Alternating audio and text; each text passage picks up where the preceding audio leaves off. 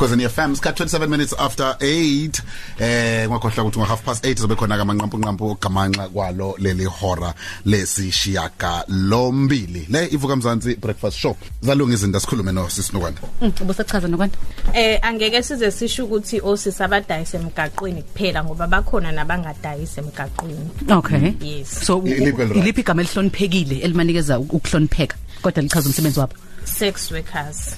Ngesizulu? Lesizulu Aba abadayisi bocansi. abadayisi bocansi. Okay. okay all right.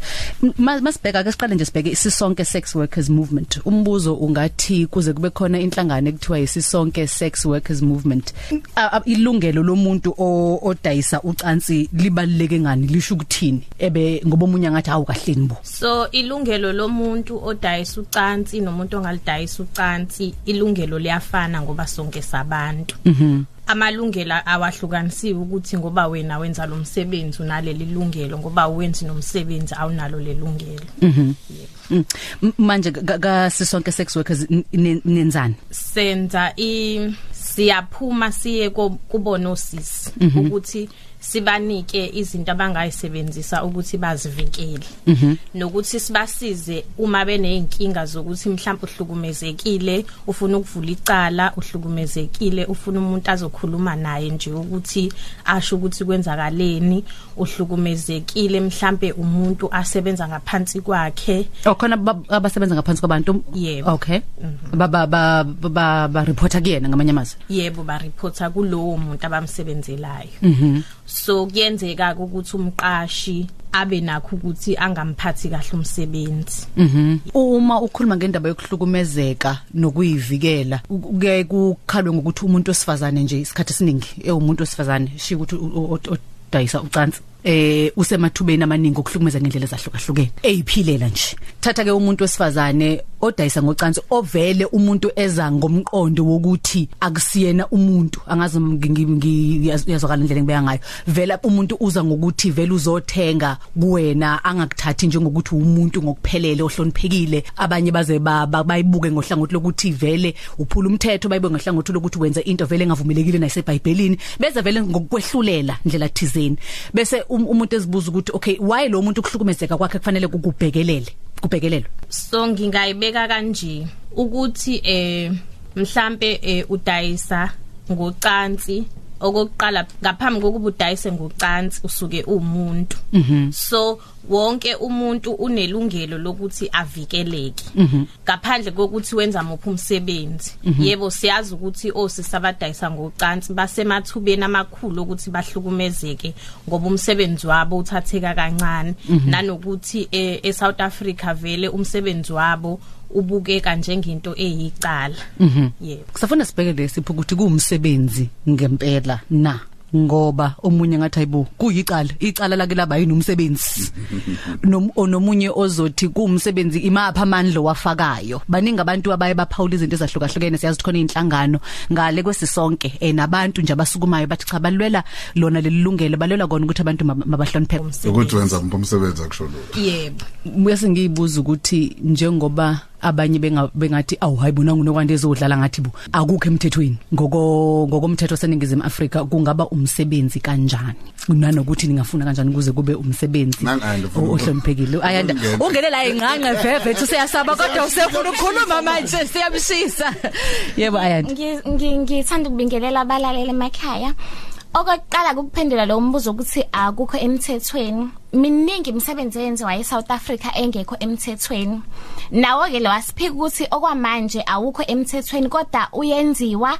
Futhi awenziwa uhlangothi olulodwa wenziwa inhlangothi ezimbili ngoba kuba khona lo ekuthengwa kuyena ucansi. Umzimba asudayisi ngoba umzimba wethu uhlezi khona ukuthina asikaze sudayise sidayisa ucansi. Khona lo uthenga ucansi kukhona lo oluthengayo ucansi. Angabhekwa abantu abathe abadayisa ucansi kuphela bakhona nabalithengayo so ke kuwumsebenzi ke ongekho emthethweni kanjalo. Usisonke na- namanye ke ama organizations. Silwela ukuthi lo msebenzi wethu ube ube semthethweni ngoba umsebenzi okhona from kudala ngiyacabanga ukuthi singakozalwa nokuzalwa bawukhona lo msebenzi. And usazoba khona. So ke siyalwela ukuthi uhulumeni wethu aw- awenze ukuthi umsebenzi ube semthethweni ukuze singahlukunyezwa ngoba amaphoyisa ayasihlukumeza emgaqweni ayasihlukumeza emahotela ngoba phela kwazi ukuthi umsebenzi wathi awukho emthethweni. Mabe sibamba laphayana bayasithatha mhlawumbe u- iphoyisa liye kokudlwengula liye kushaya which is nako lokho futhi kusawuhlukumeza amalungelo ethu njengabasebenzi. Uneminyaka mingaka mina ngineminyaka u35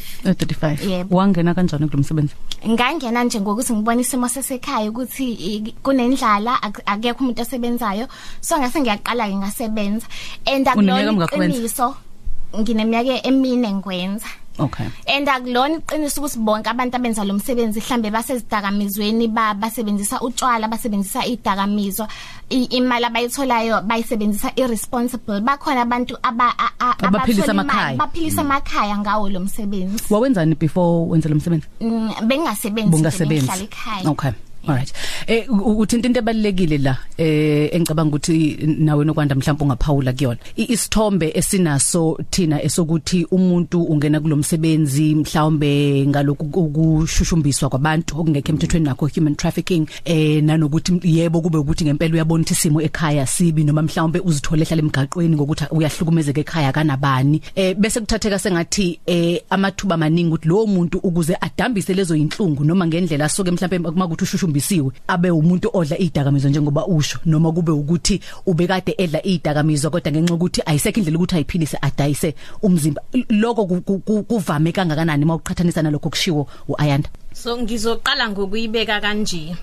Thina nje njengosisonke movement sisebenza kakhulukazi ngabantu abazisebenzayo bona. Kodwa asi asibakhipheli ngaphandle nalaba esithi mhlambe basebenzela abantu abaphuma kwamanye amazwe ngoba siyazi ukuthi bona ibona abantu abasebenza kaphansi kwengcindezi kakhulu ngoba bayaphoqeleka ukuthi asebenze noma sekuthiwa besethi hayi sengiyekile osukwini. Eh, ngizoyichaza kanje. Kusho ukuthi akusiwo wonke umuntu odayisa ngocansi ongaphansi kwezidakamizwa. Kodwa abanye bake bathi ngoba umsebenzi onzima ukuze ngithole isibindi fanele ngiqale ngenze lokho kodwa akusiwona wonke umuntu. Unzima Ayanda lo msebenzi kukwena njengomuntu ukuthi ufuna ukwenza ube nzima yini kwena ma ma ufuna ukwenza ube nzima kwena like u- uzocabanga kakhulu then u- ugcina sozisebenzisa izinto ezinjengezidakamizwa wena Kodwa wenza nje kanjani ko- ukuthi ung- ungacabangi kakhulu ungabi nzima? Ngiyothatha njengomsebenzi ofana neminye imisebenzi yiko ongekho nzima. Mhlawumbe u- usuku awuspendele isithombe nje o- osukwini lakho e- emsebenzini ngoba nakhona futhi i- into edala ngibuze lembuzi ngenxa yethombe sinaso thina sazi ukuthi eh uzo thina nje basisebenze mini wena uzirelaxele uzenzele izinto zakho bese kuthi ebusuku malinele ngwahalo halala ke bese ufaka lama lama pantyhose anezimbobo ezingaka kuthiwa yini ama fishnet Ama-fishnet. eh na- nama neziketshana ezincane ke bese ke u- uyehla uyenyuka ke emgaqweni uthathe ngizocela kuphenduleni ngizocela kuphenduleni eh thina sina leso sithombe kodwa wena uyachaza ukuthi usuku emsebenzini. So ngalokho uyawuhlonipha umsebenzi wakho. Usuku emsebenzini luba njani? Cha akunjalo. A- ayikho i- i-dress code emsebenzini. Kodwa ke so njengoba ufaka ijini neskipa? Yebo ngafika ugqoke kanjalo. Ngafika futhi ngigqoke njengawe nje sisi ngiyongena nami officeini lami ngiyosebenza. Nje laba aba- abagqoka izinto ezinjengo fishnet nezinto ezincane is- i- ibona ke laba esiyaye si- siye kubona mhlambe emigaqweni sokuthi basebenza emigaqweni sibatshela ukuthi akukho akulungile ngoba phela a- a- us- usuke sewuveza umzimba wakho lapho whi- which is akukho right. Noma ngabe uvezanga umzimba wakho noma ngabe uvezileke u- u- u- usuke usemsebenzini uyasebenza nje njengabo bonke abantu. Bayazi khaya wenza lo msebenzi? Yebo abanye bayazi abanye cha abazi manje eh eh, u- njengoba kade esho kwanda ukuthi khona ah, abasebenza ngaphansi kwabantu wena uzimele. Yebo, U- u- ngiyimele. u- ukhuluma nento yokuthi eh ay- indaba yoma fishnet nezikete ezincane ak- akusona umgomo womsebenzi lo Yebo. Ngiyacabanga ukuthi zikhona neindlela ezahlukahlukene zokusebenza eh ngisanda kuzwa nje ngomunye ngixoxela ukuthi uba khona nezindlu eh la kusetshenzela khona kube ukuthi mhlawumbe akuthi angilazi i- igama lakho elifanele elizo- elizozwakala yabo lihloniphekile. Lo- lo- lelo nge angithanda ukulisho ngoba lizwakala kambi. Em kuku- la la ngisuke nihleli nje nihleli kusomnasi. Kube khona ama bookings kodwa kusomnasi nihlala emaphulini nihamba ngamabhigini kumnandi kube khona ibooking wasithi une appointment ngo10 une appointment ngo12 Ab- abanye ke kube ukuthi mhlawumbe umuntu unama client akhe azomfonela ukhona namhlanje singahlangana ndawo thizeni. O- okwakho ukuhlela kanjani njengoba usebenza ngokuyimela? Ngebhadika ngikaze ngisebenze kul- kuleyo ndawo. Angazi noma ngalisho igama layo ko- kodwa ngikaze ngisebenze kuyona. Uma ngabe usebenza uyimele u- u- u- uyafika lapho la usebenzela khona kufika umuntu nje o- owumthengi ozofike achuze lo amfunayo usebenza kanjalo nje ukuthi Mm okay all right. Nihla- lapho nisuke nisuke nihlala khona lapho? Yebo. Oh okay. U- kuke unelungelo lokuphuma noma ngabe yinini mawufuna ukuphuma mawufuna ukungena uyangena. Akufani nala le nenye indawo boyichazile Ngi- ngizocela nje ukubuza imibuzo i- imibuzo eh ebucayi kwesipho Okay. Ngivumela ngiqale kwe esitolo oqala. Kodwa ngami nombuzo ongcaphe faphuma ukuthi u- u- usisuba nabo ubudlelwane for example lakithi ngoba ngila ngiyasebenza. Kodwa mase ngiphumile mhlambe kunonkosikazi ekhaya or no husband nawe or nobani nobani nobani. Kuzojiya vele manje. Okay. Ya ngiyafisa ukuthi impela ingane ingazizizwe wedwa bakithi cha isixwayiswanyana nje sincane ukuthi mbuze zokithi ukubuzwa izothi uqoshama kancane so ke eh ongeke mhlambe yazwakala kahle ke einganeni ezincane. So njengomzali uyakwazi ke ukuthatha ke isinqumo ukuthi uyafuna yini ukuthi sikuzwe lokhu okulandela njengamanje.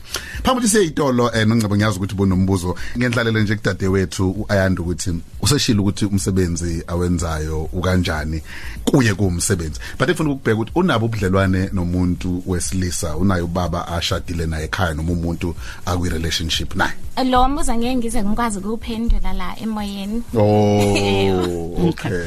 kodwa mhlambe sesingayichaza ngokuthi eh bakhona abantu abasebenzayo abashiya ekhaya umkhwenyana abashiyile ingane kodwa ekhaya abakhishwe isimo sokuthi imali ayikho. But ngazi mina njengobaba ukuthi bakhona obaba baziyo abangenankinga kodwa abanye abantu bake bona bazikhethela isinqumo sokuthi hayi angizukumtshela ubaba. Kodwa bakhona bathi yena ubaba uyazi kodwa futhi akanayo inkinga. Bakhona o omama mangisho omama ngisho abantu abako 50 55 eh abadayisa ucansi ngocansi.